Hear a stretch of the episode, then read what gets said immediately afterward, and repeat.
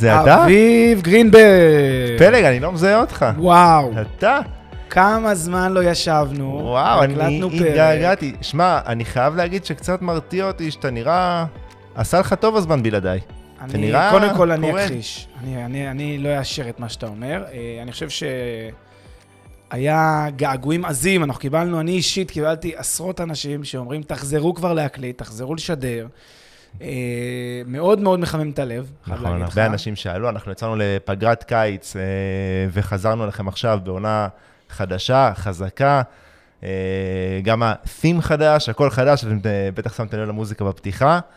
ובאנו לחדש לכם עם תכנים אה, אה, שונים, חדשים, ולתת בראש ביחד. אותם אנשים, אבל האווירה והווייב שונה לגמרי, וזה דבר שהוא באמת אה, ככה... אנחנו משאירים את הטוב ממה שהיה, אבל אנחנו הופכים את זה לעוד יותר טוב, במה שאתה קורא לזה בעונה הבאה, או ב... יס, בעונה בעונה- הזאת החדשה. מה עשית. בחופש הגדול?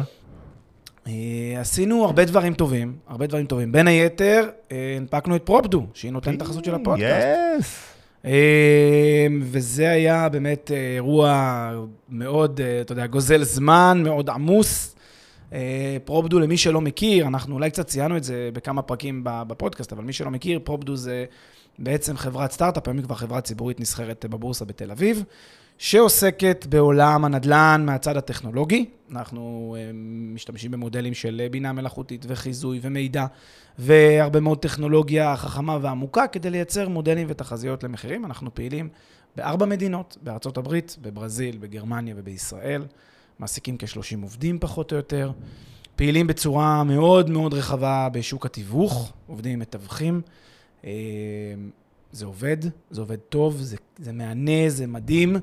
זה עכשיו הונפק בבורסה בתל אביב, נסחר, יש מניית פרופדו, אתה יודע, נסחרת בבורסה, שזה מעבר לה, להישג המדהים ברמה, ברמה של החברה, זה ברמה האישית שלי, זה, אתה יודע, זה סיפוק אדיר. ברור, וזו התרגשות אה, גדולה. לעשות דבר כזה, ואני, אה, ואני באמת חושב שזאת חברה, שוב, אין פה המלצת השקעה, ואנחנו לא כמובן נמליץ על עצמנו, אבל זו חברה שהיא חברה, לדעתי, שיש לה המון מה להוכיח והמון מה, מה לעשות בשוק, והיא חברה שלדעתי בוגרת. זאת אומרת, היא מבינה, היא מבינה את מה היא צריכה לעשות, היא מבינה את השוק. אה, אנחנו אנשי נדל"ן, אנחנו מכירים את שוק הנדל"ן, והסינרגיה הזאת בין הטכנולוגיה, בין הטכנולוגיה המדהימים ש, שגייסנו והנדל"ן, אני חושב שהיא טכנולוגיה, שהיא, שהיא סינרגיה מנצחת. גם שני דברים שהכי אוהב בעולם, טכנולוגיה ונדל"ן. השילוב של גם זה זה אני שילוב... מסתבר, גם אני פתאום, זה ככה, תפס אותנו באמת אה, כנושא מאוד מעניין. אגב, כאנשי נדל"ן התחלנו, ותוך כדי הבנו את הצרכים ופיתחנו את הטכנולוגיה שתתמוך בצרכים. ואז זה מין שילוב כזה סינרגטי, שנותן מכפיל כוח מדהים אה, לחברה הזאת. ולכן זו חברה ש- שאני אני, ברמה האישית, שוב, לא ממליץ לאף אחד, כל אחד שעושה החלטה שלו, אבל אני צופה לה גדולות. כי גם חלאס, הגיע הזמן שהנדל"ן אה, הישן, כמו שאנחנו מכירים אותו, אתה יודע, אה, אה, לבנים וטיח ייתמך בטכנולוגיה חכמה מכל הכיוונים. משמעית. יש גם הרבה סטארט-אפים בעולם של ה... אתה יודע, של ה- אה, של ה-construction tech, של הבנייה, והגיע הזמן שגם בעולם שבו אני ואתה אה, אה, אוהבים אותו מאוד, עולם ה- ה- ההשקעות ועולם המחירים, שווי של נדל"ן, יקבל גם את הבוסט הטכנולוגי. תראה, תן לי להגיד לך משהו הבשורה. שאולי גם קצת ייגע בדברים שאנחנו נעשה, נדבר עליהם קצת היום בפרק. השוק הזה, בסדר? שוק הנדל"ן, הוא בגדול שוק מאוד מאוד לא, לא מתקדם מבחינה, לא רק טכנולוגית, בסדר? הוא גם לא מתקדם מבחינת ה, ה, ה, הידע. כלומר, זה, זה לא שאנשים היום יש להם יותר ידע מאשר לפני עשר שנים ועשרים שנה, יש להם אולי קצת, או הם מרגישים שיש להם יותר ידע. אבל אנחנו באמת רואים בשוק, ותכף נדבר על זה, אנומליות היסטריות, דברים הזויים לחלוטין שלא מתיישבים עם שום היגיון. אה, ואתה יודע, השוק חזק מהכל מצד אחד. מצד שני, אני חושב ש... זה נכון ולא נכון שהשוק חזק מהכל, כי לפעמים אנשים יכולים לקבל החלטות, כי, כי עניין עובדתי, אתה יודע, לפעמים אנשים עושים החלטות שגויות. זה שהשוק חזק מהכל זה בסדר, אבל אנשים רוצים להחליט נכון, לעשות נכון. אם היה להם את הידע, אם היה להם את הכלים, אם היה להם את, ה, את ההבנה, כמו שיש למקצוענים, כמו שיש לשחקנים שיש להם גישה לידע, כי הם מייצרים את הידע, או כי יש להם, אתה יודע, ידע שלהם צבור או ניסיון, אז אפשר היה לעשות הרבה יותר טוב אה, אה, החלטות, לבצע החלטות יותר טוב בשוק. זה גם אולי אחד החזון, אחד, אתה יודע, החזון של חברה כמו שלנו, של פופדו, זה בעצם לתת כלים וידע ולהנגיש משהו שהוא מאוד מאוד מורכב וזר להרבה אנשים, להמונים. זה אגב גם מה שאנחנו עושים באינבסטקאסט. נותנים לאנשים בדיוק. מידע שהוא מאוד מורכב וקשה ו- ונדל"ני ועמוק, ולועסים אותו, נותנים לבן אדם לאכול אותו בצורה מאוד מאוד אה, פשוטה וזה. וזה, גם, וזה גם דוגמה, סליחה, זו גם מטרת אה, הפרק הזה, הנושא של הפרק הזה, בדיוק אנחנו נדבר על ה... נקרא לזה, חלק מההזיות של השוק ההזוי של הנדל"ן הישראלי, ואתה אומר שגם שהמטרה שלנו באינבסטר היא לתת כלים, אז אתם תראו שבפרק הזה אנחנו הולכים לסתור באיזשהו מובן, כן, דברים שאמרנו בפרקים הקודמים. רגע, אבל לפני שנצלול לנושא של הפרק, מהמם. תן עוד מילה על ההנפקה. לא כל יום מנפיקים חברה, לא כל בן אדם עושה את זה. תן שנייה, מה החוויה, איך זה מרגיש, במה זה כרוך. תראה, קודם כל, אה, זה, זה, זה טירוף כמובן. זה, זה אירוע בסדרי גודל אה, אחרים לגמרי ממה ש, שאני אישית הכרתי בתור מנהל, בתור מי שמוביל פעילות אה, עסקית. אה, היה לנו איזשהו ניסיון מזה עם חברה אחרת, ניסיון די מוצלח, אבל ברמה האישית שלי, זה פעם ראשונה ש, שמנפיקים חברה, וזה באמת אירוע גם אדיר בגודל שלו, גם מורכב מאוד, מהרבה מאוד בחינות, בין אם זה משפטית, וזה בין אם זה חשבונאית, והרבה מאוד אתגרים ושאלות, ושיווקית, ו- ועסקית, ואתה שואל את עצמך כל פעם האם אני עושה נכון, האם אני לא עושה נכון, ואתה כל הזמן אה, נכנס ל- ל- ל- ל- לשאלות, אתה יודע, עמוקות, על מה שאתה בעצם עושה. אבל בפועל, ב- ב- ב- ב- בתכלס, at the end of the day, אתה מבין שאתה, כשאתה נכנס לדבר כזה, זה בא עם הרבה מאוד אחריות, הרבה מאוד אה, יראת קודש לכספי משקיעים, שנתנו בך. אמון אדיר. יש לומר, זה אמון אדיר לחברה שהיא חברה צעירה, שיש לה עוד המון מה להוכיח, ו- ולכן גם הכובד המשקל פה עוד הרבה יותר גבוה, וברמה האישית כחברה, כחברה שלנו זו חברה שהיא גם לא, אתה יודע, לא בזבזנית. ולא ראוותנית, ולא מחפשת עכשיו, אתה יודע, לעשות אירועים ומסיבות ו, וכל מיני דברים כאלה שהרבה הרבה אנשים עושים. אנחנו מסתכלים על זה בצורה מאוד מאוד מחושבת, כלכלית, צנועה, מבינים שקיבלנו כאן אמון, מבינים שקיבלנו כאן כסף, עכשיו אנחנו רוצים לעשות ממנו הרבה כסף. זה בעצם המטרה שלנו, אה, זו החוויה האישית. אה, תהליך שלוקח זמן. האם זה מומלץ, גם. ל... האם, זה, האם זה מומלץ לכל אחד? אני, אני צריך, כמובן, כל אחד צריך אה, אה, לעשות את החשבון בשביל עצמו, אבל אני יכול להגיד לך, זה אירוע מאוד מספק. הוא מאוד ארוך, לוקח זמן מן הסתם, כן, בתקופה- חודשים רבים, בתקופה חודשים גם רבים. שהיא לא בדיוק פשוטה מבחינת אה, שוק מאוד. המניות וענייני סטארט-אפ, אבל זה אולי השוני שבאמת באנו לעבוד. אה, חד משמעית. וכנראה זה מה ש... זה מה שיוכיח ויוכיח את עצמו. כן. וגם דברים כאלה נבחנים, אתה יודע, לא ב... ביום או יומיים. זה דברים שנבחנים לאורך זמן, חברות, לוקח להם אה, כמה שנים, גם לחברות סטארט-אפ, לוקח להם כמה שנים אה, אה, להראות מה הן שוות. חברות טובות, אנשים טובים, מוכיחים את זה. מוכיחים את עצמם. זה המבחן לדעתי, ולכן אנחנו מלאי ביטחון. יס. עם התנופה הזאת, עם התנופה הזאת, בוא נתחיל לדבר על ההזיות, שמע, זה שוק הזוי. על הזיות של שוק הנדל"ן בישראל. שוק, ואני חושב איך להתחיל, כי מצד אחד אני רוצה להתחיל בהדרגה כדי לא לעמם את המאזינים, מהצד השני, מה שלא, מה שלא נגיד, אנחנו פה אה, אה, סוג של מפילים פצצה, אבל כשנדבר על הסיבות שלהם, אני חושב שזה יראה לאנשים די הגיוני הסיבות, כי, כי אנשים חיים את השוק הזה, מבינים את המניעים בסוף שקורה, שמניעים אותו, אבל בואו בוא נצלול לאיזה, בואו נתחיל, למה, איך בכלל הגענו לעשות את הפרק הזה? תראה, שוק הנדל"ן אה, תמיד מסקרן אה, אותי ברמה האישית, וגם כחברה, בפרופדו אנחנו עושים הרבה ניתוחים על השוק, אנחנו מפרסמים הרבה מהם גם בכל מיני, אתה יודע, אה, אה, עיתונים כלכליים, ערוצים כלכליים וכולי, תוכניות.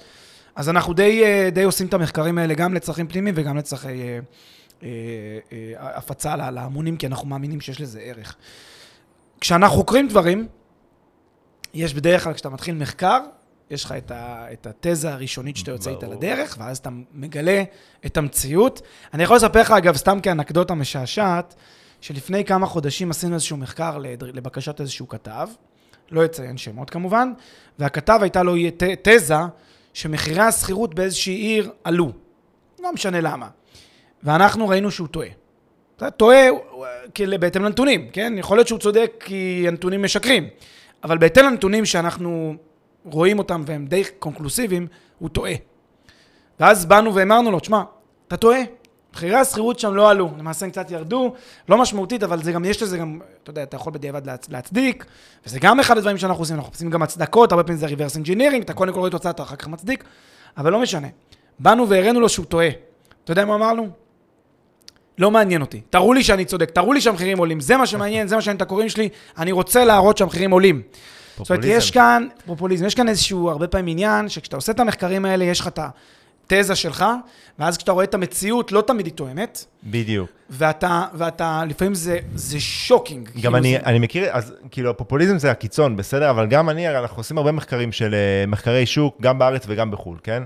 ואתה יודע, ואני בטוח שאני מכיר את כל העולם, וזה מה שאגב לא נכון, יש לי עוד מלא מה ללמוד, כן? אבל, ואני יוצא למחקר שאני כבר אומר לעצמי, אני יודע מה, מה אני הולך לראות. ואז, כשאתה מגלה תמונה שונה לחלוטין, הדבר הראשון, ה- ב- באוטומט לפחות שלי, אני מנסה לה, להביא איזה סיבות, לאנוס את המציאות, שיסבירו למה כן, נכון, התוצאות עכשיו יראו ככה, אבל בעצם זה מסביר את מה שאני רציתי אה, לראות. ולוקח זמן עד שבאמת, כמו שאתה אומר, מתפכח. בואנה רגע, היה לי תזה ראשונית, ראיתי פה משהו שונה לגמרי. וזה מה שאתה ראית ב, אה, בחלק מהמחירים שעשית. כן. אז מה... יש, יש דברים, אני, אני, אני רוצה להגיד דבר שהוא הזוי ברמות שאני לא יכולתי לדמיין, בסדר? עשינו איזשהו, אני אספר כמה מחקרים או כמה דברים קטנים כאלה שעשינו, וכל אחד יותר הזוי מהשני, אבל יש פה דברים שאתה אתה לא מסוגל לקלוט. דיברנו, למשל, אה, אנחנו פוגשים המון אה, אה, קונים ומשקיעים ובעלי נכסים, ואנחנו מדברים איתם, עם כולם. אנחנו מדברים איתם כי אנחנו זה, נותנים להם שירות, ומדברים איתם ושואלים אותם ומתחקרים אותם. ואתה פוגש המון קונים שעומדים לקנות נכס, ואתה רואה שהבן אדם קונה את הנכס 15 אחוז, 20 אחוז, בקלות, מעל מחיר שוק. מה זה אומר מעל מחיר שוק? זה אומר שאם עכשיו הוא קונה דירה ברמת גן, והמחיר בשכונה הזאת הוא 30 אלף שקל למטר, בסדר? זה המחיר. דירה של, לא יודע מה, 60 מטר אמורה לעלות מיליון 800, או גג 2 מיליון שקל. זה המחיר ש, ש, שהוא צריך לשלם על הדירה הזאת, בין אם הוא משקיע, בין אם הוא קונה למגורים. בסוף, הדירה צריכה להיות 2 מיליון שקל. מגיע אותו קונה, שם 2-4. בסדר? 2-4. ואומר לך בביטחון, זה שווה 2-4. עכשיו, שלא תבינו לא נכון, אני כמשקיע בנדל"ן, גם מחזיק בדעה הרבה פעמים, שזה בסדר לקנות דירות במחיר שוק ואפילו קצת מעל מחיר שוק, אם אני חושב שהם יעלו. ועשינו על זה פרק. ועשינו גם על זה פרק, שעברה. כלומר זה בסדר לקנות קצת מעל מחיר שוק ביודעין, בהבנה שאני קונה מעל מחיר שוק, כי המחירים יעלו בלאו הכי, או כי אני חושב שהמחירים יעלו. זה, יש לזה היגיון מסוים. אבל הנימוק שאותם אנשים אומרים ללמה הם קונים במחיר גבוה, אפילו 30% מעל מחירי שוק, ועוד באטרף, בטירוף כזה, זה מה שהזוי. אתה שואל את הבן אדם, למה אתה קונה? קודם כל, הוא- הרבה מהם מתווכחים איתך, לא. המחיר שוק זה כמו שאני קונה, כי אתה יודע, כל אחד רוצה להרגיש שלא, שהוא לא. פראייר, אבל מעבר לזה, ויותר חשוב מזה, הרבה מהקונים האלה קונים את הדירות, ואז הם אומרים את הנימוק הבא, הרי מה זה משנה באיזה מחיר קניתי את הדירה? מה זה חשוב? קניתי את הדירה ב-2.4, ב-2.3, 2.5, מה זה חשוב? כי בלאו הכי המחיר שבו אני קניתי לא יהיה המחיר, לא, מתחת לו אני לא מוכר. זאת אומרת, זה המחיר הבסיס לעסקה הבאה. אם אני קניתי בשתיים וחצי, כשאני אמכור את זה בעוד, לא יודע מה, חמש שנים, עשר שנים, את הדירה הזאת, מינימום שתיים וחצי. לכן, מה זה משנה כבר באיזה מחיר אני קונה את זה? עכשיו, זה מגיע לרמות אבסורד אפילו יותר גבוהות, ש... שבן אדם קונה נגיד בשתיים, אה, אה, בשתיים וחצי, ואז הם מדברים, הוא ואשתו, ואז הוא אומר לה, מה אכפת לנו שילמנו יותר? להפך. עכשיו אנחנו שווים יותר. בדיוק, זאת אומרת, אם, אם, שוק, אם שוק הנדל"ן בישראל עולה 4-5% ממוצע בשנה, ואני לא מדבר על השנתיים האחרונות שהוא עלה במעל 20%, אה, נראה נראה לי 25% בשנתיים, ב- שבין אה, 20 ל-22. אה, אז אם שוק הנדל"ן עולה ב-4% בשנה, השקענו 2 מיליון, אז אנחנו עושים 4% מ-2 מיליון. השקענו 2.5 מיליון, אז אנחנו עושים 4% אה, צום מ-2.5 מיליון. והעניין הוא שעקרונית, מה שאתה רוצה להגיד זה, חברים, בשוק, בשוק, בשוק שמתנהג אה, לפי הכללים של הכלכלה, בסדר? בשוק, בשוק מאוזן כלכלית, אתם חברים, אתם לא תעשו 4% מ-2.5, הדירה שווה 2 מיליון, לכן אה, את- עד שלא, עד שלא תגיעו לדלתא הזאת של הצמיחת מחירים, שתגיע עד ה-2.5, אתם למעשה לא עושים תשואה בכלל. מעליית ערך, אני מדבר רק מעליית ערך, כן? ברור, דיברנו על זה תשואה מורכבת מהרבה דברים, רק מה, מהעניין של עליית הערך. אבל בשוק כזה הזוי, שבו המניע של אנשים, יש לנו הרי את התפיסה המנטלית הזאת של אנחנו זוג צעיר שמתחתן, אנחנו צריכים דירה משלנו.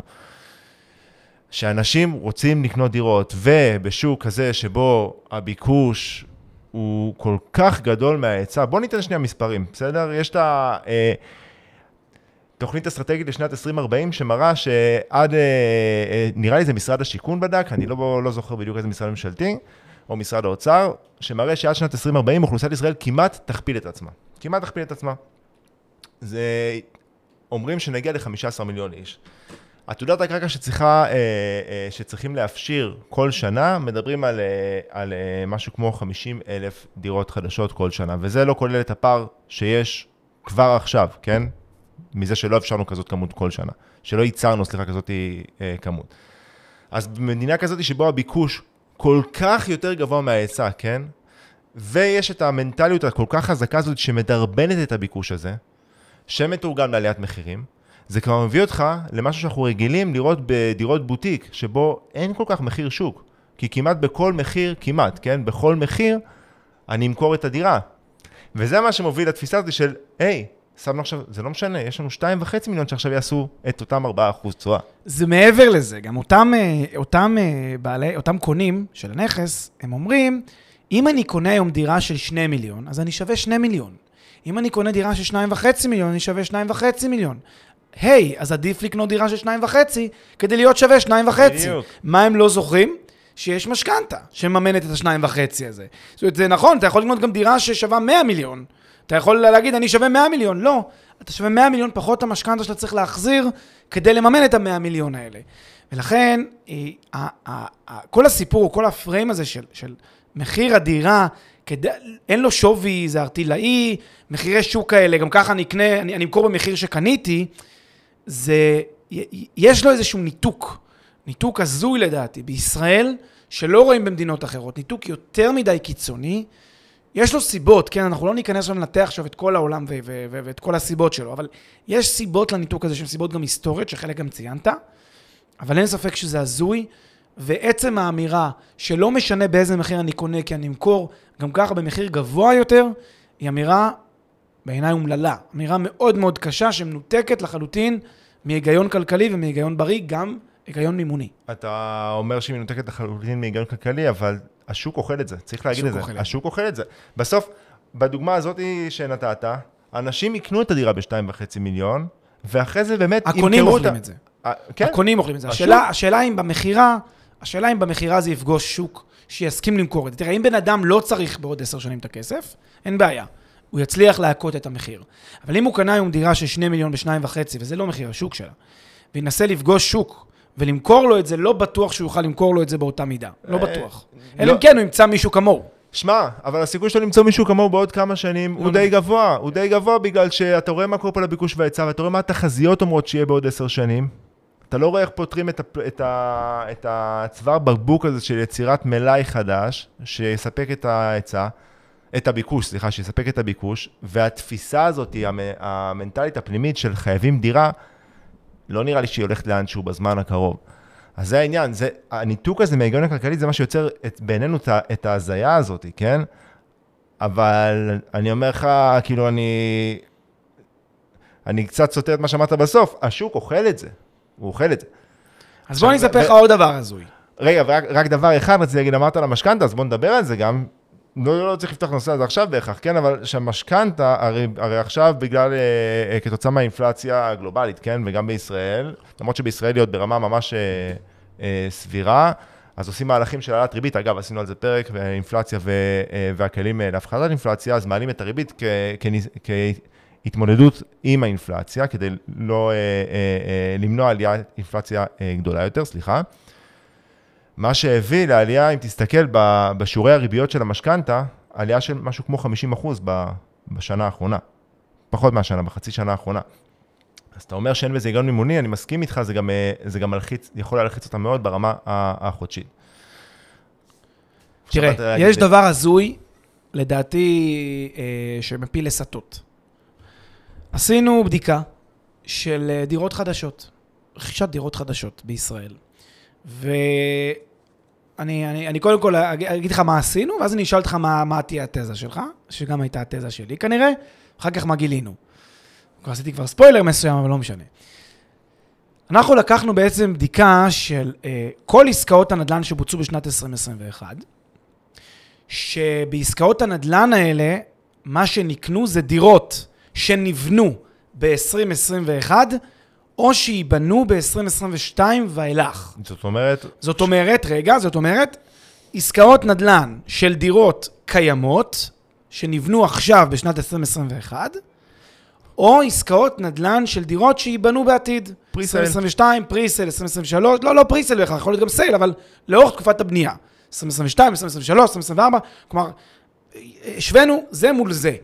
את המחירים של העסקאות. שוב, אני רק רוצה להדגיש עוד פעם, כדי שזה יהיה ברור. בשנת 2021 בוצעו עסקאות נדל"ן בישראל. אנשים באו ושילמו כסף על דירה. אנחנו השווינו בין דירה שאנשים קנו שהמסירה שלה היא באותה שנה, אל מול דירה שאנשים קנו שהמסירה שלה היא עתידית. היא ב-2022. איזה דירה, עכשיו בוא נגיד שניתקנו, את, בודדנו את כל המשתנים. זה אותן שכונות, זה אותן ערים, זה אותו גודל דירה, זה אותו הכל. איזה דירה אתה חושב בהיגיון שלך תעלה יותר? דירה שאתה מקבל אליה מפתח עכשיו השנה, או דירה שאתה מקבל אליה מפתח עוד שנה, שנתיים, שלוש, ארבע? איזה דירה? בתזה שלך. אז תראה, אחרי ההקדמה שאתה עשית, קשה לי עכשיו להגיד לך את התזה שלי בביטחון מלא. אני אגיד לך דבר כזה. כבוגר עונה הראשונה של אינבסטקאסט, ששמע את אביב ופלג בפרק מיוחד שקראו לו פריסל, אומרים, חברים, פריסל אתם קונים במחיר יותר נמוך ממחיר של דירה חדשה מקבלן קיימת, מהסיבה הפשוטה, דירה חדשה מקבלן שאני קונה עכשיו, אני יכול להשכיר אותה או לעבור אליה, אבל בואו בוא נדבר בפנים של משקיע, בסדר? רק בשביל הדוגמה, כן? זה לא כזה משנה, כי גם אמרנו שכשאני גר בדירה משלי, אז אני כאילו משכיר אותה לעצמי, זה אותו דבר, אבל אם אני רוצה... כמשקיע, אני יכול להשכיר אותה מיידית. קניתי אותה עכשיו, עוד חודש היא מוכנה, עוד חודש אני מתחיל לקבל כסף שמשלם לי את המשכנתה. לעומת זאת, כשאני קונה דירה בפריסל, אני מתחיל לשלם עליה כבר מעכשיו, נכון? אבל עדיין לי, היא לא מכניסה לי כסף, ולכן אמרנו שפריסל, בהכרח מההיגיון הכלכלי, השוק אמור להכתיב את זה ככה שפריסל יהיה במחיר יותר נמוך, שמפצה אותי על אובדן השכירות, פלוס איזשהו רווח יזמי על זה שהסכמתי לוותר על השכירות. אז זה התזה שהייתי אומר לך, אם לא היית נותן את כל הפ... את הפתיח הזה. אבל אנחנו פה לדבר על הזיה, אז מה ראית? קודם כל, רגע, אני רוצה להגיד לך מש- הערה קטנה. הפריסל מתייחס לפרק זמן של הרבה שנים לפני תחילת הבנייה. יש גם רכישות לאורך תקופת הבנייה זה שהן לא- לא בפריסל. אבל ההיגיון הוא אותו היגיון. אותו היגיון. כל עוד אני קונה לפני זה, מסכים, אני אמור... מסכים. אז, אז ה- ה- ה- הרווח יהיה יותר מצומצם. אם קניתי. שנה לפני, אז זה יותר נמוך. ההיגיון אומר שדירה שאני מקבל השנה צריכה להיות שווה הרבה יותר, לעלות לי הרבה יותר כסף, מאשר דירה שאני אקבל בעתיד. למה? כי על הדירות שאני אקבל בעתיד אני צריך לחכות למפתח, לחכות להשכרה שלהם, ולכן המוטיבציה שלי לשלם עליהם היא נמוכה יותר, מאשר דירה שמוכנה עכשיו. עכשיו, אתה יודע, מי שיכול לבוא ולהגיד, רגע, רגע, מה הם רוצים? עוד לפני שאני נותן תשובה, כן?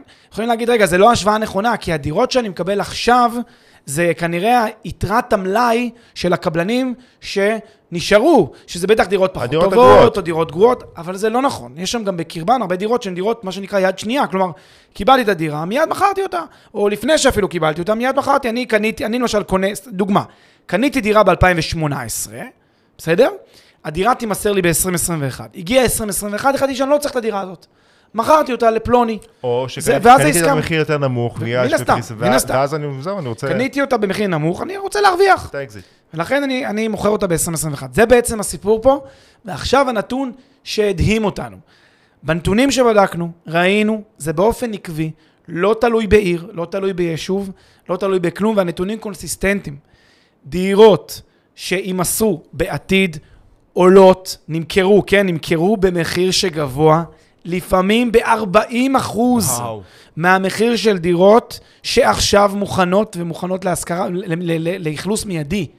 זה 40 זה המקרים הקיצוניים יותר, כמובן שגם היו 10 אחוז, 15 אחוז, שזה רוב המקרים, אבל הדבר המדהים הוא שכמעט, כמעט ברוב המקרים, בכמעט כל התצפיות שראינו, לא היה מחיר נמוך יותר. כלומר, ממוצעים מאוד קונסיסטנטיים שאנשים יעדיפו לשלם יותר על דירה עתידית מאשר על דירה נוכחית. וזה דבר mind blowing. זה פשוט בלתי נתפס בעיניי איך דבר כזה יכול לקרות בשוק, כי אתה אומר לעצמך, איך זה יכול להיות שאנשים כל כך לא מבינים את ההיגיון הכלכלי, ואז אתה מתחיל לעשות את ה-reverse engineering, מתחיל להמציא את ההסברים. מתחיל לחשוב על ההסברים. בוא, בוא, נדבר, בוא נדבר בדיוק על הסיבות. עכשיו רק שנייה, לפני כן כדי זה, אתה אומר שזה לא יכול להיות עכשיו רק הדירות התפוקות שנשארו ב, ב, אה, במלאי, גם כי... שללנו את ההסבר הזה. בדיוק, כן, גם, כי... גם בגלל שזה, אבל גם, צריך להגיד, מדובר פה בכמות של דירות נכון, שנסגרו, אמת, זה לא שתגיד... בדיוק. זה...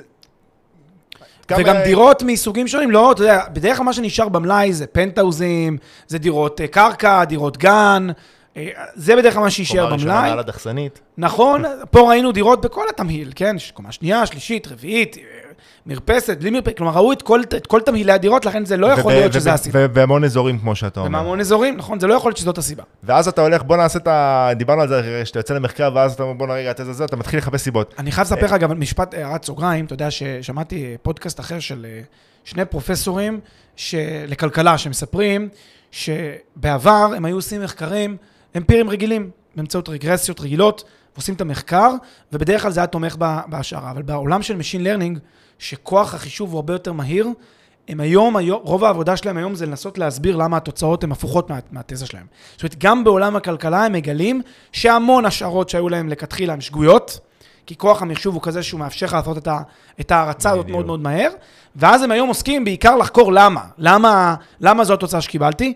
כי ב- כשאתה עובד, אתה יודע, כשאתה עובד בצורה יותר אה, קטנה, עם, עם מדגם יותר קטן, אתה יכול לתמוך בהשערה שלך. אבל כשאתה עובד בביג דאטה, פתאום ההשערות יכולות להתהפך. אה, משפט ישן אומר שאם שני אנשים אומרים לך שאתה שיכור, אז אל תצא מהבית, כנראה שאתה שיכור. אז התחלת למנות את, התחלת לבדוק את הסיבות, התחלת לבדוק את הסיבות ב... אה, אה, הזיה הזאת לכאורה, כן? של, אה, שלמה, איך זה קורה בשוק שאנשים קונים דירות ש, אה, אה, שיהיו מוכנות בעתיד במחיר יותר יקר מדירות שמוכנות עכשיו. כן. אז איך זה קורה? כי זה יש- נוגד את ההגיונות הכלכליים שאנחנו מכירים. יש כן? כמה השערות, אה, אני אגיד בסוף את ההשערה לדעתי הישראלית, או את ההסבר הישראלי, כי כל ההשערות הן השערות גלובליות. בחו"ל זה לא בדיוק ככה, בחו"ל זה לא עובד ככה, בחו"ל המחירים רק מן הסתם אה, הולכים ונהיים יותר ויותר אה, אה, נמוכים ככל שאני צריך להמתין לדירה, זה גם היגיון מאוד מאוד ברור, אבל בישראל יש סיבה לדעתי אמוציונלית כלשהי, שתכף אני אגע בה. בהסברים, אתה יודע, אולי הרציונליים, אז הייתי אומר אולי נושא המימוני, העובדה שכשאני קונה דירה מקבלן בת- בתקופת הבנייה, אני הרי משלם נגיד 10.90 או 20.80, אז זה גורם לאנשים להגיד, טוב, אז אמנם אני אשלם יותר על הדירה הזאת שתהיה מוכנה בעוד כמה שנים, אבל יש לי פה עסקת מימון. לכן על עסקת המימון אני מוכן לשלם יותר כסף מאשר על לשלם היום את הכל בקאש. אבל זה באמת עובד, כי בסוף מדובר פה בדחייה של, מדובר בסכומים עצומים, בסדר? כן. בש... ו... ובדחייה של שנה וחצי, שנתיים, זאת אומרת, תראה, אני לא יודע, אתה, אני לא יודע, את ה, אני, אני מלא פה השערות של, לסיבה לזה שזה כן. קורה. אין לי תשובה, אני חושב שזה הגיוני להניח שלפחות חלק מהאנשים זה השיקול שהם עושים. זאת אומרת, יגידו, אם אני צריך לקנות את הדירה הזאת עכשיו, אני צריך לשים את הכל בקאש. אם אני צריך לחכות, אז אני עדיף לחכות, ויכול להיות שהם אפילו לא בודקים את האפשרות, כי אין להם את הכסף. אז הם אומרים, בוא נקנה היום ב-10.90 ונמצא את הפתרונות עד שזה יהיה מוכן עוד שנתיים, שלוש. כדי להביא את יתרת ההון העצמי. כדי להביא את יתרת ההון העצמי, אמת. אה, וגם לדאוג למשכנתה, כן? כי... אז, אז זו סיבה ראשונה. סיבה שנייה זה שאנשים, יכול להיות, אתה יודע, אה, נושא של רכישת דירה זה דבר שמצריך הכנה. מצריך הכנה, מצריך זמן. אנשים כנראה לא קונים דירה חדשה. אני מדבר איתך על דירות יד שנייה, שדירות יד שנייה זה קצת יותר קל, כי זה בדרך כלל, אה, אתה יודע, יש לי דירה היום, אני עובר לדירה אחרת. דירה חדשה, יכול להיות שבן אדם אומר, זו עסקה מאוד משמעותית, אנחנו כמשפחה קונים עכשיו דירה שלנו, לראשונה בדרך כלל. אתה יודע, כל המשפחה, אז אני אומר, אני, אולי זה גם דירה שאתה יודע, יותר גדולה. אני אקנה דירת ארבעה חדרים, חמישה חדרים, אפילו שאני בינתיים רק עם ילד אחד, אני כבר אקנה דירת חמישה חדרים, אז אני מכין את עצמי לקראת המועד הזה, זה יהיה מוכן רק עוד, עוד שנתיים, שלוש, אז אני מכין את המשפחה לשינוי הגדול הזה. ולכן הם קונים מראש לדירה שתבוא רק עוד זמן, ולכן הביקושים יותר דווקא לדירות שיהיו מוכנות בעתיד, ולא לדירות שמוכנות היום. אז גם זה איזושהי הצדקה עוד איכשהו רציונלית. זה נכון, אני, אני אגיד את זה, אבל בזהירות, בזהירות אני אגיד את זה, נשמע לי שזה יכול אולי להסביר כמה מקרים, אבל אם אתה מדבר על חתך רחב שראיתם, זה לא נשמע לי שזה יכול. זה, ואת- ואתה יודע מה, גם אני אגיד לך יותר מזה, יכול להיות שאנשים כאלה, אז... אם אנחנו מדברים על חשיבה רציונלית, משהו, אולי נדבר על זה, כי משהו אולי לא קורה פה בשוק הזה, אבל אם אנחנו מדברים על חשיבה רציונלית, אז בן אדם רציונלי ב, ב, בשיקולים האלה יגיד, אני אקנה דירה כן, עכשיו, כן, אני אקנה דירה עכשיו, אני אשכיר אותה נכון. שנתיים, שלוש, ארבע, חמש, ואני אעבור אליה כשנהיה מוכנים.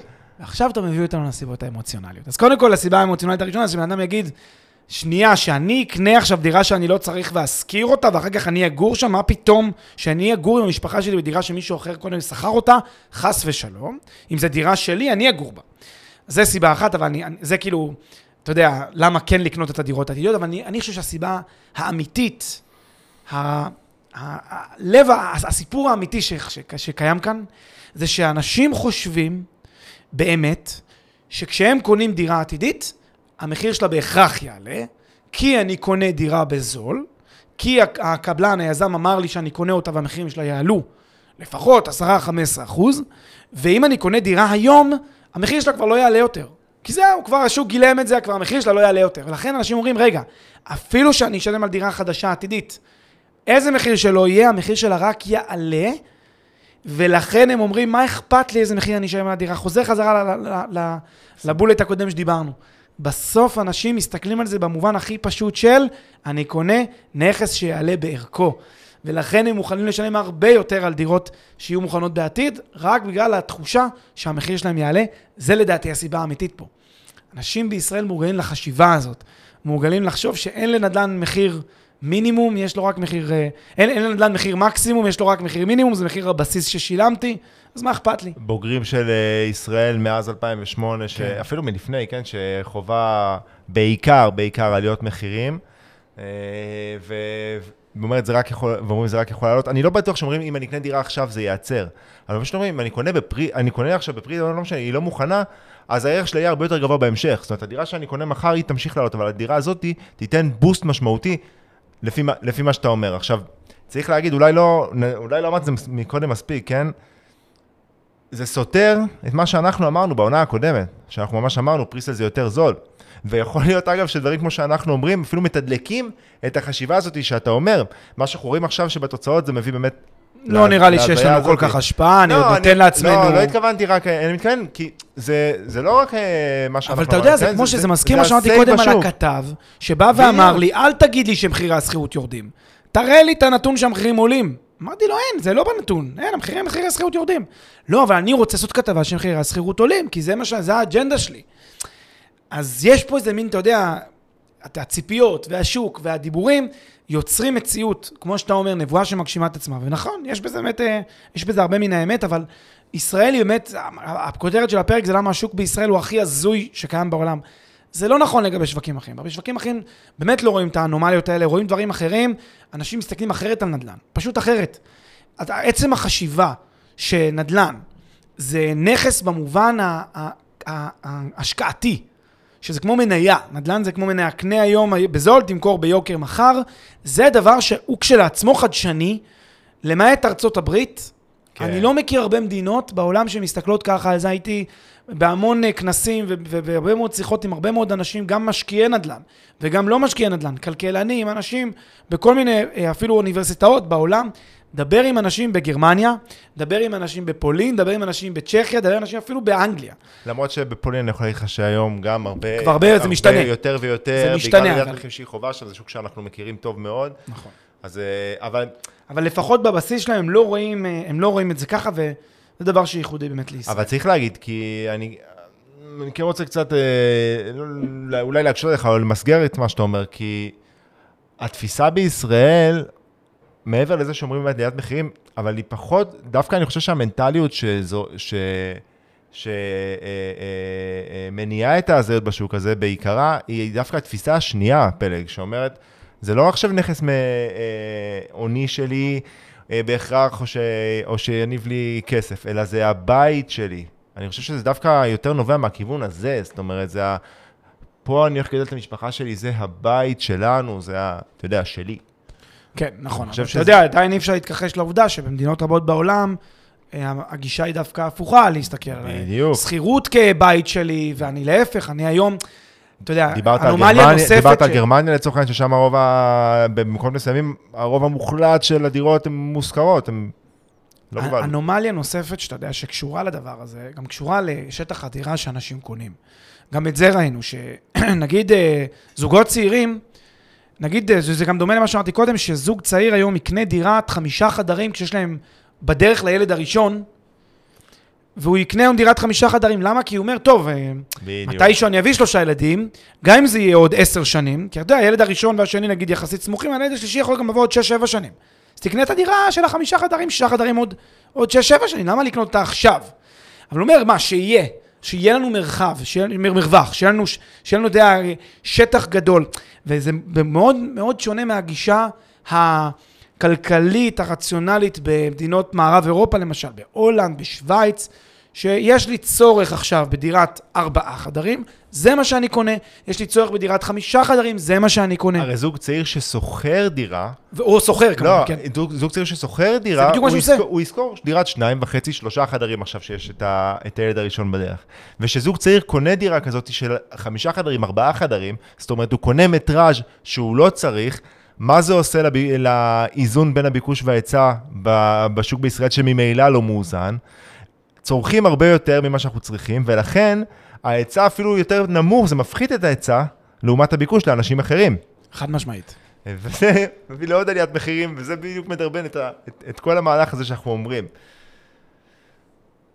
ולאן זה הולך? כאילו, תראה, אתה, אני שואל אותך בתור מי כל שרואה את ה- הנתונים מול העיניים שלו. כל ההז- ההזיה של השוק הישראלי, אז, אז יש לה שתי אפשרויות, או שני כיוונים, אה, ואנחנו גם אה, מנסים גם להרגיע ולומר שמצד אחד, המחירים באמת עולים כאן, כן? שלא יהיה ספק. זה שיש, זה שיש כאן טירוף, וזה שיש כאן אנומליות הזויות, אה, זה, זה מתיישב עם שוק שאומנם מתנהג בצורה חסרת היגיון, אבל בסוף זה השוק. וכמו שדיברנו ואמרנו כמה פעמים לאורך הפרק, המציאות מכתיבה את ה... את ה... את ה... אתה יודע, את התחזיות, והתחזיות מכתיבות את המציאות. הדברים האלה שלובים. ולכן, יש כאן טירוף, אבל הטירוף הזה אה, לא נראה לנו בטווח, בוא נגיד, הרב-שנתי, שהוא ייגמר. נראה שהמחירים ימשיכו לעלות בקצב, בקצב לא רע, גם בשנים הבאות. ימשיכו לעלות ויתאפסו ומחירי הנדל"ן לא הולכים להיעצר. הדבר היחיד שעשוי לקרות זה שאנשים יישאר להם פחות הכנסה פנויה, שהרבה מאוד אנשים ייכנסו לאפילו תקופות קשות מבחינה כלכלית ביכולת להחזיר את המשכנתאות. Hey, אז בואו, להחזיר- זהו, צריך לדבר על זה, כי בא, אני באתי להגיד לך שחייבים שנייה להתייחס, אי אפשר להגיד ככה בצורה ש... שאתה יודע שהשוק הולך לעלות, אנחנו חייבים להתייחס לעובדה